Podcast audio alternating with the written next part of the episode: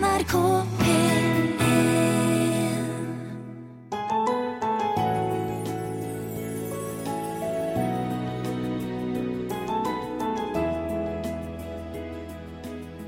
Blogger og samfunnsdebattant Susanne Aabel har gjort noe for første gang.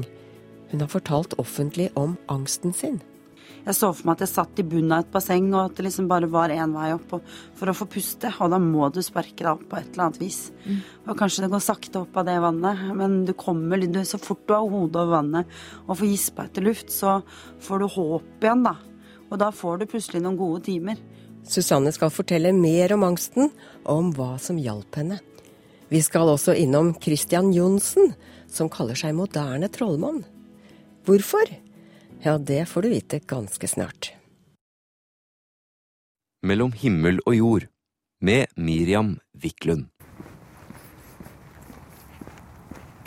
For noen dager siden hadde jeg avtale med en alternativ terapeut i Trondheim, Christian Johnsen, som kaller seg moderne trollmann. Han har skrevet bok også. Ord står det på utsiden. Det er vel egentlig visdomsord. Skal vi høre om han er her, da? Han er opptatt med en klient, så jeg setter meg i sofaen på venterommet. Etter en halvtime kommer han ut. 37-årige Christian, som altså kaller seg moderne trollmann, har verken spiss hatt eller tryllestav. Men han har klare øyne og et bredt smil etter en altfor lang arbeidsdag. Klokka er blitt halv ni på kvelden. Ja, annenhver uke så er det nå det. Jeg har dattera annenhver uke, så da blir det noe, det blir noe roligere dager i uka når jeg har dattera. Da. Da jobber du ikke så mye. Nei, da er det mer normalt. Og det er jo bra. Så er stearinlysene tent, og vi har like godt benket oss her i sofaen på venterommet, vi. Det sies at eh, Christian Johnsen ser mer enn folk flest, og vet mer om folks plager enn hva han blir fortalt. Men hvorfor kaller han seg for moderne trollmann? En eh, trollmann det er jo egentlig akkurat det samme som en vismann eller som en rådmann. Og, og veldig mange kommer og spør om råd i forhold til det ene og det andre. Altså, hvorfor ikke? En vismann? Hva skal jeg spørre om da? Sorger og gleder, kanskje? Jeg begynner med gleden, jeg. Den er ofte vanskeligst å få tak i hvis du først har mista den. Jeg syns ikke det, det trenger å være så mye vanskeligere enn det. For vi mennesker vi har en tendens til å komplisere og, og, og, og kverulere både på det ene og det andre. Og det er egentlig ikke så veldig vanskelig sånn som jeg eh, opplever det, sånn som jeg ser det. Men vi gjør det vanskelig. Vi gjør det. Hvordan da? Ved det at vi stiller altfor mye spørsmål, blant annet. Kan vi gjøre? Vi, vi kan ta en glede og plukke den ifra, og så ende opp med å være i dyp sorg. Vi har ødelagt gleden som vi opplever. Eh, For gleden er jo rundt oss til enhver tid, men det er bare at vi, vi evner bare ikke å se den. Fordi at eh, tankene og følelseslivet vårt hindrer det.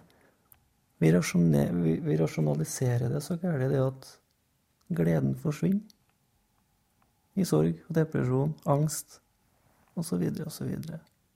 Sånn generelt sett eh, så virker det som at folk med en depresjon har en tendens til å ligge i fortida.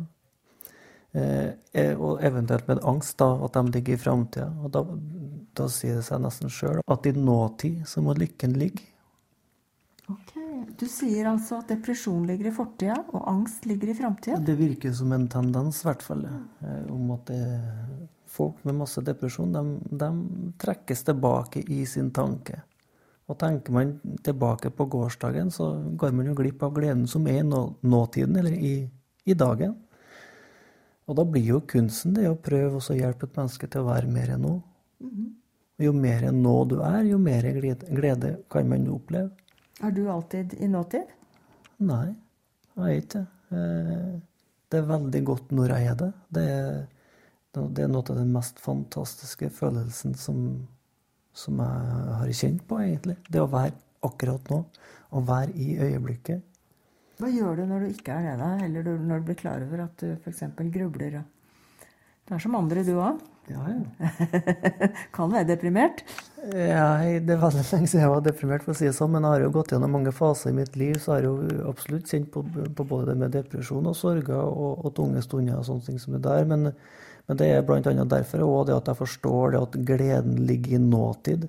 For eh, når jeg kjenner på mine sorger, når jeg har gått gjennom mine eh, epoker i mitt liv, så er det akkurat det som var veien ut av det. Det å klare å være nå. Det å klare å, å virkelig se den gleden eh, som en blomst kan gi, eventuelt en sommerfugl. Det å så slippe inn opplevelsen av en blomst eller en sommerfugl eller et tre eller en sky eller hva det nå skulle være. Det kan ikke foregå på noe annet tidspunkt enn nå. Sette seg ned på en fortauskant og så kjenne på, på høstlukta eller vinterlukta eller sommerlukta, så er det mer tilstedeværelse. Og akkurat da, når man sitter der og sanser og er i nuet, så kjenner man ikke på den sorgen som man hadde i sted. Gjør du sånn? Setter du deg på fortauskanten og begynner å snuse ut i lufta? Hver dag. Gjør du? Hver dag. Ikke på fortauskanten kanskje, men på verandaen eller, eh, eller på vei til jobb eller eh, hva det skulle være. Men eh, store deler av mitt liv har jeg brukt på akkurat det med å sitte på en benk eller sitte på en gressplen eller sitte på en knaus eller en stubbe i skogen og sanse og være nå. Og dermed er det en som tar i døra og vil inn. Vi vrir like godt om låsen for å få være i fred. Du har liggende en bunke bøker, eller tynne hefter nærmest, på pulten din som heter Ord. Og det er en bok du har skrevet Ja. med visdomsord. ja, visdomsord. Eh, Eller ord til, til ettertanke. Her står det f.eks. på baksida her nå Man blir født med en pose med frø. Man velger selv hvilke av disse man skal la spire og gro. Vi har muligheten til å, å, til, til å velge å, å, se på dagen med et smil eller ikke. Eh, Det finnes jo mange dårlige frø i en pose, er ikke det? Eh, Og det er jo ikke dårlige frøene som skal få oppmerksomheten, men det er jo, for, det er jo forhåpentligvis det gode frøene hos et menneske som skal få lov til å spire og gro. Og sånn som jeg oppfatter det, så er jo det gode frøene en del av de følelsesmessige kvalitetene som, som er med å utvikle hvert enkelt menneske til å bli et bedre menneske.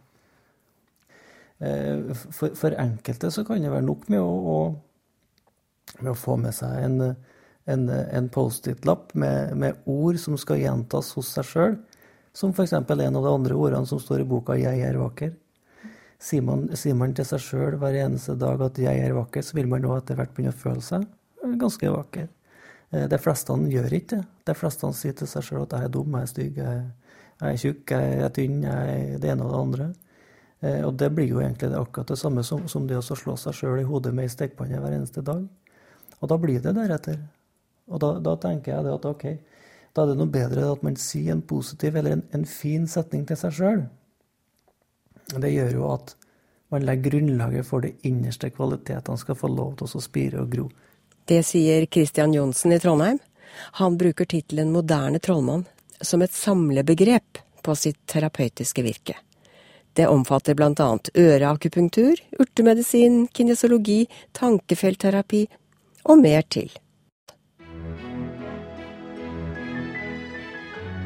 Du hører på Mellom himmel og jord i NRK P1. Midtlivskrisen, det er noe mange av oss kjenner til. Men kanskje ikke den varianten vi snart skal innom, nemlig 30-årskrisen. Så da bestemte jeg meg nok litt for det den dagen jeg hadde bursdag. At nå må et eller annet skje her.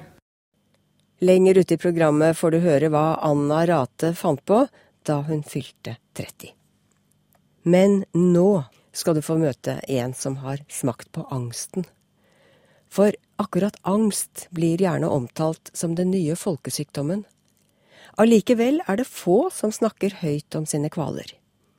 Det har derimot blogger og samfunnsdebattant Susanne Aabel gjort. I programmet Sommer i P2 tok hun sats og fortalte for første gang offentlig hvordan angsten har forfulgt henne fra tidlige barneår. Her får du et lite utdrag. De første fem årene av livet mitt var fredelige, så vidt jeg vet. Jeg husker uansett nesten ingenting av livet mitt før vi flyttet fra et rekkehus til en enebolig i 1986. Da var jeg fem år, og det var første gangen jeg opplevde noe som skulle vise seg å forfølge meg resten av livet. Lammende angst. Det nye huset vi flyttet til, hadde to etasjer, og av en eller annen grunn fikk jeg det for meg da jeg lå inne på det nye rommet mitt, at jeg var helt alene i hele verden. Jeg husker det var mørkt, musestille, og at det kjentes som om hodet mitt skulle eksplodere. Det pep i ørene, eh, jeg ble redd da jeg lukket øynene, jeg hadde vondt i magen, jeg måtte tisse, jeg måtte stå opp, jeg måtte ut og opp og vekk fra det nye rommet, som var så skremmende og ensomt. Søsteren min sov noen meter unna. Foreldrene mine satt nede i kjellerstuen. Frykten var irrasjonell, men like herlig og i aller høyeste grad til stede. Jeg kommer aldri til å glemme den grusomme følelsen som jeg ikke forsto hva var. Jeg ropte og ropte på moren min, men ofte hørte hun meg ikke fordi TV-en sto så høyt på. Da endte det opp med at jeg sto opp, hang over rekkverket ved trappen og ropte mens jeg gråt. Da jeg fikk svar og bekreftelse på at de fortsatt var nede i kjellerstuen, fikk jeg litt ro. Så gikk jeg og la meg igjen, og så kom panikken stigende på nytt. Jeg var livredd for at jeg var helt forlatt og alene. Jeg har til dags dato ikke noe godt svar på hvorfor jeg var så redd for det. Det som 33 år gammel kvinne med utallige timer i angstterapi har innfunnet meg med, er at noen logiske grunner til at jeg var så redd, var det nok. Foreldrene mine brukte danske og engelske au pairer til å passe på meg og søsteren min da vi var små. Jeg gikk i barnehage, jeg hadde dagmamma, jeg hadde nøkkel rundt halsen. Jeg tror nok at det at det kom og gikk en ny omsorgsperson en gang i året fra jeg var helt liten, skapte en separasjonsangst i meg. En frykt for at folk jeg var glad i, som var de som ga meg kjærlighet og omsorg, skulle bli borte.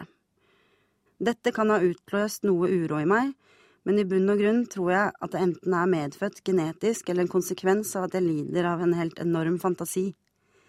Jeg kan tenke på meg panikk på ti sekunder, og hadde jeg ikke lært meg teknikker med årene til å håndtere det, hadde ikke livet mitt vært noe særlig innholdsrikt i dag.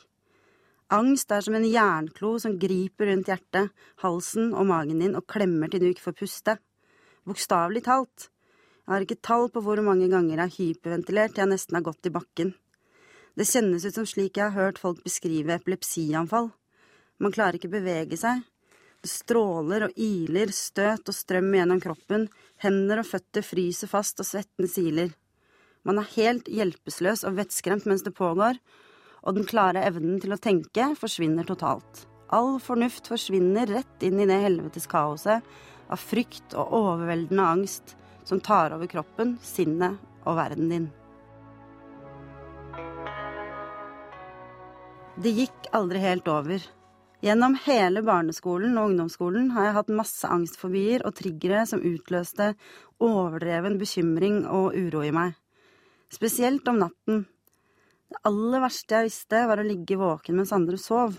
De kunne like gjerne ha vært døde. Det var det skumleste, mest ensomme jeg kunne tenke meg, og jeg liker det fortsatt ikke. Jeg måtte bli over 14 år før jeg kunne sove over hos andre. En gang slo jeg meg selv til blods på vasken hjemme hos en klassevenninne slik at foreldrene hennes måtte kjøre meg hjem. Jeg turte ikke innrømme at jeg ikke ville være der. Jeg husker jeg var livredd av tanken på å legge meg i noen andre sitt hus og ligge våken i time etter time uten at noen forsto eller kunne hjelpe meg, ble altfor mye. Jeg husker at jeg i desperasjon slo albuen min så mange ganger på vasken at jeg begynte å gråte, for jeg visste at det jeg gjorde var så galt. Alle andre elsket å overnatte hos venninnene sine, og da sto jeg og skadet meg selv i panikk for å slippe. Selv om jeg kanskje bare var ni år, visste jeg at det ikke var normalt. Jeg skammet meg. Jeg så meg i speilet og tenkte hva holder du på med? Men angsten vant alltid. Den hadde full kontroll over meg. Gjennom hele barndommen har nettene vært min verste fiende. Da jeg ble litt eldre, slapp det taket til en viss grad. Jeg har alltid hatt god selvtillit utad, gode venner, pen og populær. Men jeg falt allikevel igjennom når det kom til å ta ansvar for meg selv. Jeg fikk dårlige karakterer allerede første året på ungdomsskolen. Jeg hadde ingen evne eller ro til å lese lekser, langt mindre skrivelekser. Jeg ga rett og slett totalt blaffen, og hadde heller ingen evne til å se fremover. Jeg ble utrolig mørk til sinns og oppdaget eh, hardrock og metal, og i mange år var musikk det eneste som betød noe som helst for meg. Med musikken fant jeg et univers som ga meg fred, mot og selvsikkerhet. Et miljø med mennesker som var like som meg. De trengte ikke vite at jeg hadde det vondt på innsiden, det var på en måte implisitt. Alle svartkledde, tatoverte hardrockere på nittitallet hadde sitt å stri med.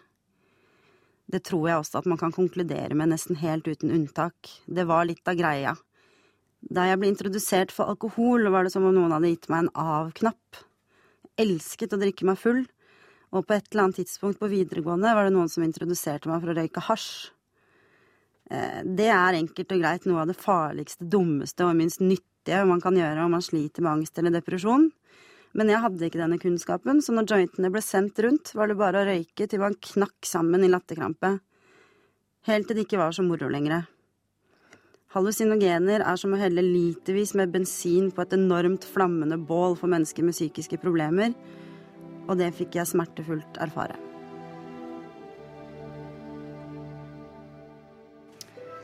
Jeg friket fullstendig ut. Jeg løp ned til foreldrene mine som hadde besøk, og hysteriet mitt ble mildt sagt mottatt med sjokk og vantro. De klarte ikke si noe, de forsto ingenting. Noen minutter tidligere hadde jeg tross alt ligget og sovet på rommet mitt. Til slutt satt jeg i sofaen foran alle sammen i fosterstilling med armene rundt beina og skreik så høyt jeg kunne og gråt og gråt og gråt. Det gikk ikke over, jeg hadde så angst at jeg tror jeg gikk inn i en slags sjokktilstand. Hele kroppen reagerte, jeg måtte kaste opp. I tre timer lå jeg over do og hylte og skreik og spydde. Den natten sov jeg ikke et eneste sekund, og ikke den neste natten heller. Angsten hadde kommet for å bli. Jeg overbeviste meg selv om at noen måtte ha puttet noe dop i en av drinkene mine på nyttårsaften, eller at jeg hadde en psykisk reaksjon på p-pillene mine, det var ingenting som hjalp. Jeg hadde ingen pauser fra det våkne marerittet mitt. Ingen pauser fra mitt eget hode eller hjerne. Jeg var 100% sikker på at jeg hadde blitt gal, at jeg hadde mistet forstanden og ikke lenger var i stand til å føle noe annet enn en helt ubeskrivelig skummel, skrekkelig innoverangst. Man kan ikke spise, sove eller være sosial. Det eneste jeg ville var å ha ett sekund pause, men det stormet og stormet, jeg var rett og slett knekt. Nede for telling, angsten hadde blitt meg, og jeg visste ikke at det var det det var engang. De neste ukene må jeg innrømme at jeg ikke husker noe særlig av, annet enn at det var den verste tiden i mitt liv. Hvert våkne sekund var som å være i helvete, og når jeg først sov, hadde jeg grusomme og forstyrrende mareritt. Hvis du slår opp ordet angst i psykologisk leksikon, vil vel noe av det første du leser være du tror du blir gal.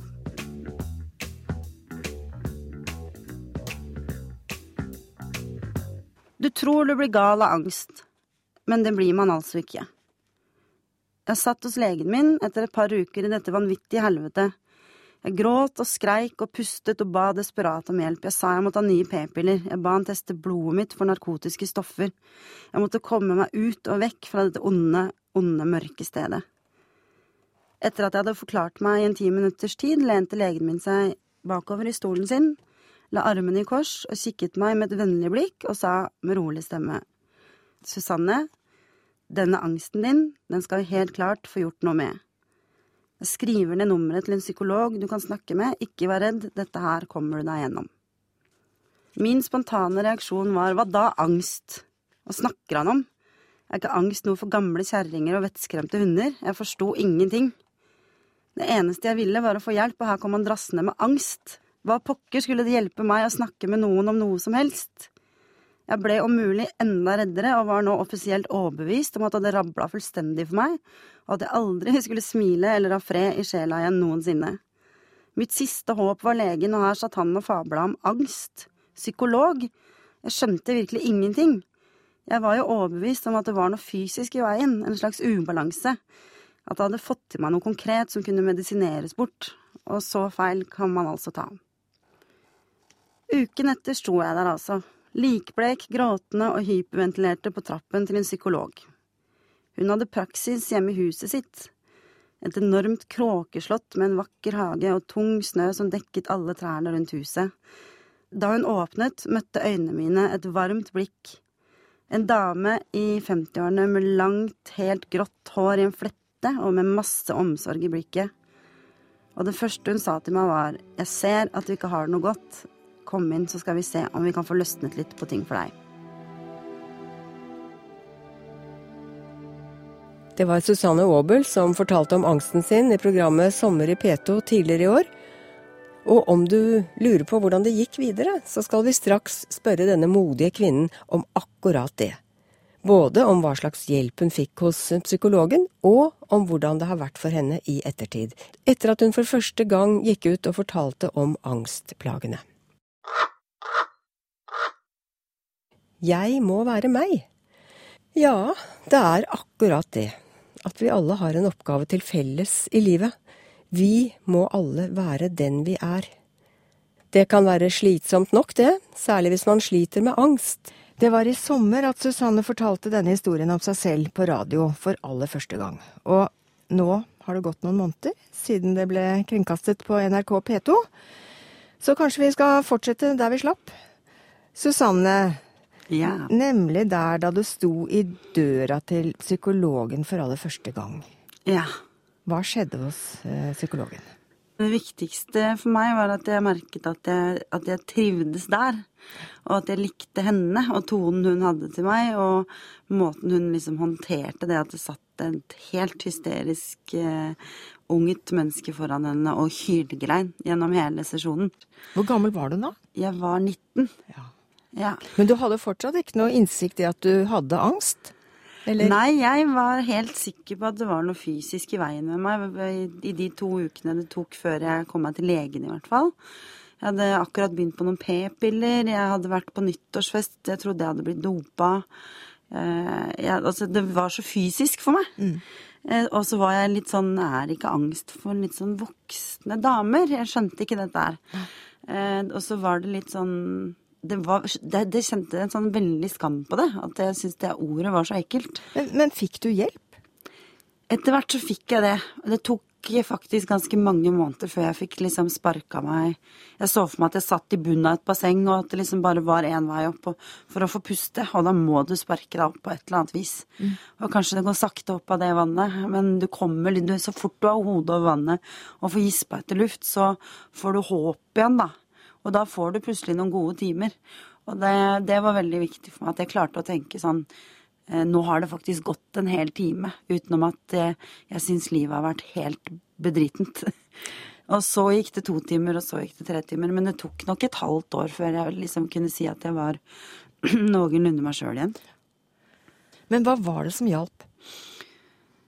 Eh, tiden hjalp, og det å snakke For meg var liksom samtaleterapi alfa og omega. Og så var det jo selvfølgelig å holde seg unna rusmidler og alkohol. Og, og så hadde jeg noe helt vilt støttende venner, og det vet jeg at det er så mange som ikke har. For det var nok veldig vanskelig å forstå hva som skjedde for de andre 19-åringer 19 rundt meg, da. Så de, disse angstene mine har vært veldig sånn inni meg, og, og veldig ensomme. Så jeg kan tenke meg at folk som sitter inne og, og hører på dette her, og ikke kommer seg ut døra, kan si at det er jo veldig lett for deg å si. Som kan ta på deg den røde leppestiften din og høga klakkar og, og skinnbuksa di og, og, og løpe rundt på rockekonsert og ha det gøy. En hel helg, for eksempel. For det kan jeg. Ja. Eh, Men eh, det er et eller annet når, du, når man smeller igjen døra til leiligheten og begynner å tenke. Det er bare å kikke opp på himmelen og få kjenne at man får så innoverangst at det Så det er jo en slags eh, teknikk, det også. Å bare fortrenge. Og fylle eh, hverdagen med alt mulig annet. Du kan unngå anfall hvis du gjør det? Ja, hvis, du, hvis du ikke rekker, på en måte.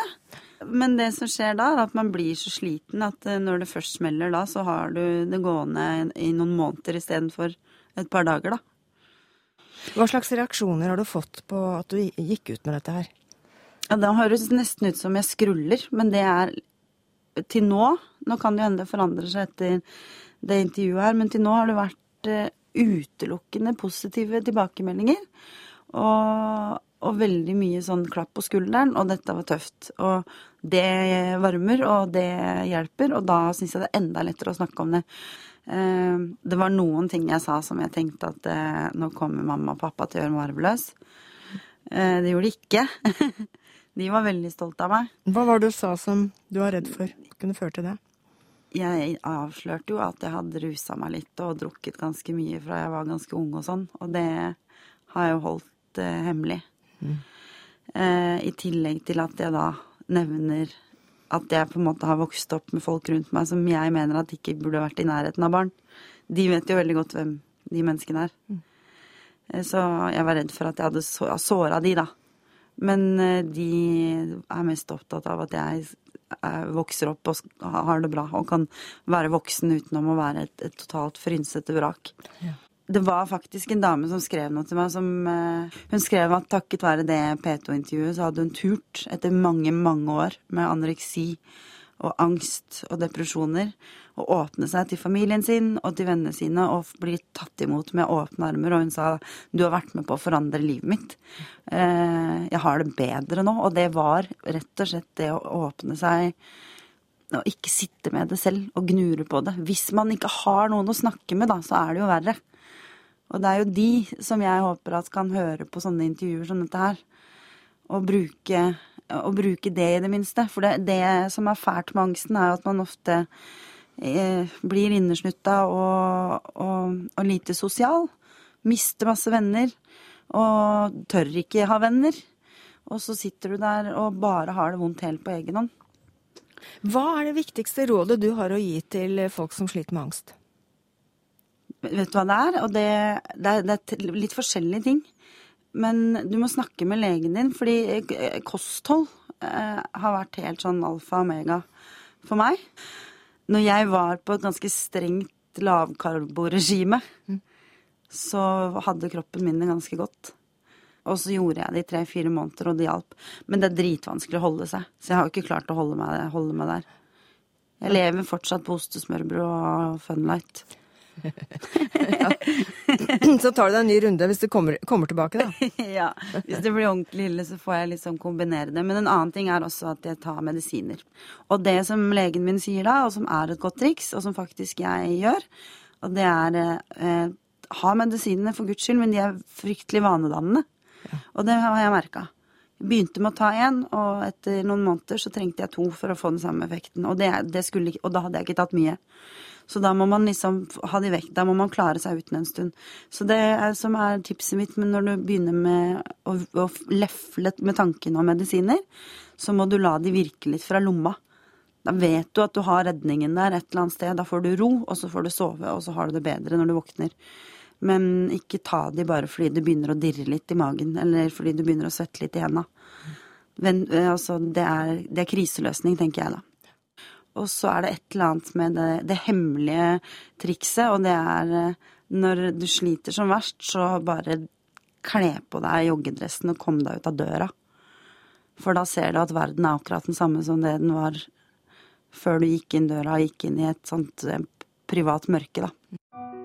Det var Susanne Aabel som fortalte om angsten sin. Mellom himmel og jord i NRK P1. Midtlivskriser kan ha så mange slags uttrykk. Noen kjøper motorsykkel, andre bygger hytte, noen finner ut at det er på tide å bytte ut livspartneren, mens andre nøyer seg med å stramme opp kroppen på ymse vis. Nå skal vi møte 33 år gamle Anna Rate, som allerede har vært gjennom et slikt vendepunkt i livet. Hun hadde nemlig en 30-årskrise. Jeg har melk, eplejus, appelsinjuice, Solo. Oi. Eh, du, kan jeg bare være litt rar og si vann? Ja. Anna Rate viser meg inn på kjøkkenet sitt. Kjøkkeninnredninga hennes er rødmålt, og midt i rommet står et langt og solid bord. Det ser tungt ut og har plass til mange folk rundt seg, men nett nå er det bare oss to og katten her. Jeg bor her. Eh, mamma bor eh, i det store hvite huset ved siden av her. Kårhuset. Eh, og så bor lillesøstera mi sammen med meg her nå. Anna er 33 år gammel og bor på gården der hun vokste opp på Melhus i Sør-Trøndelag. Hun er odelsjenta og har nå tatt over drifta av gården.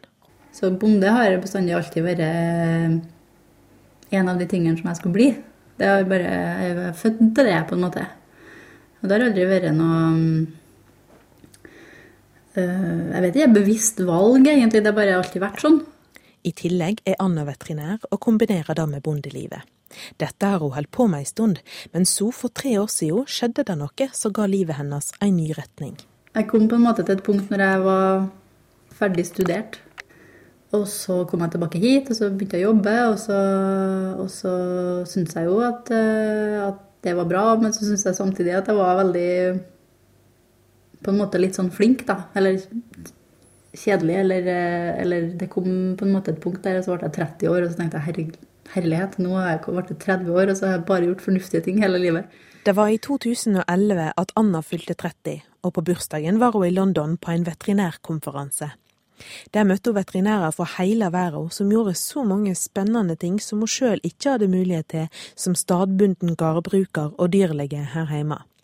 Det ga hun en uro i kroppen, og den satt fremdeles i da hun besøkte en kompis i London etter konferansen.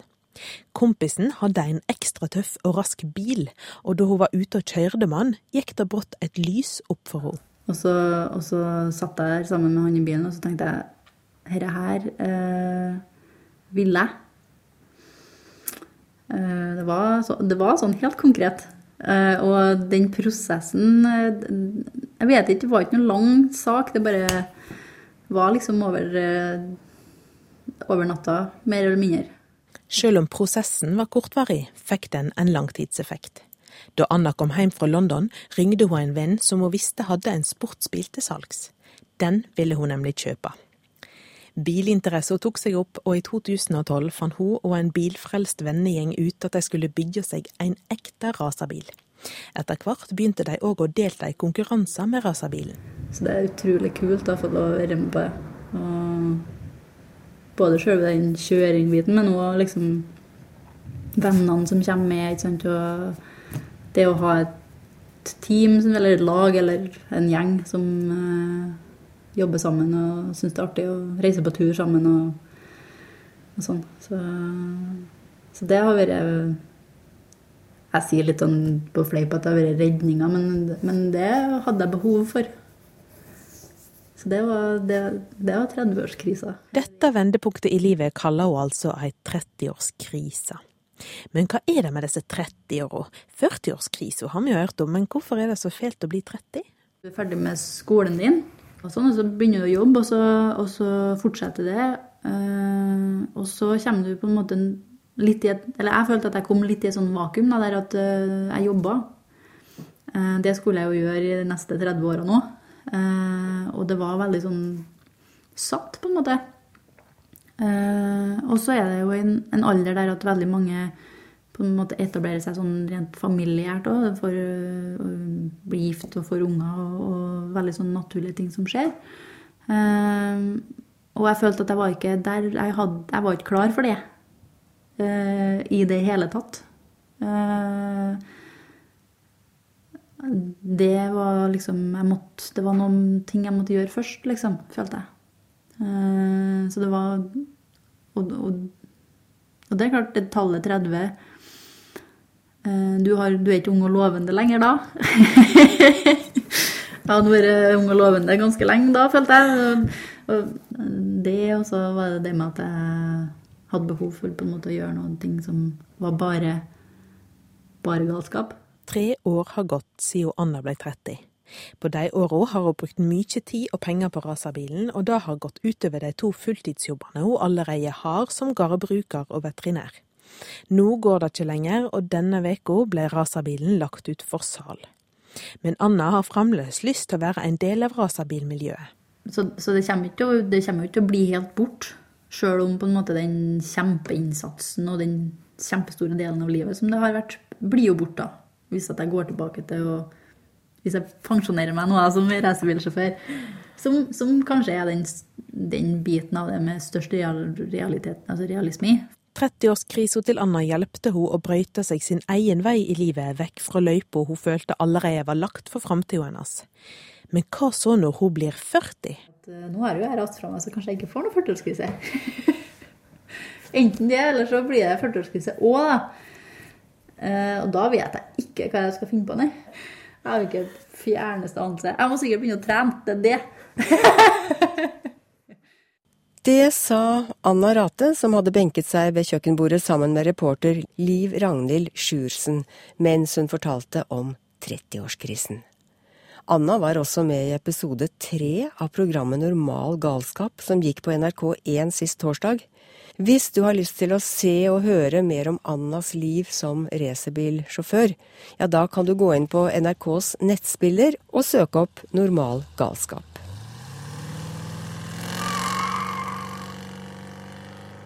Og livsdansen fortsetter for oss alle, selv om Mellom himmel og jord snart er slutt for i dag.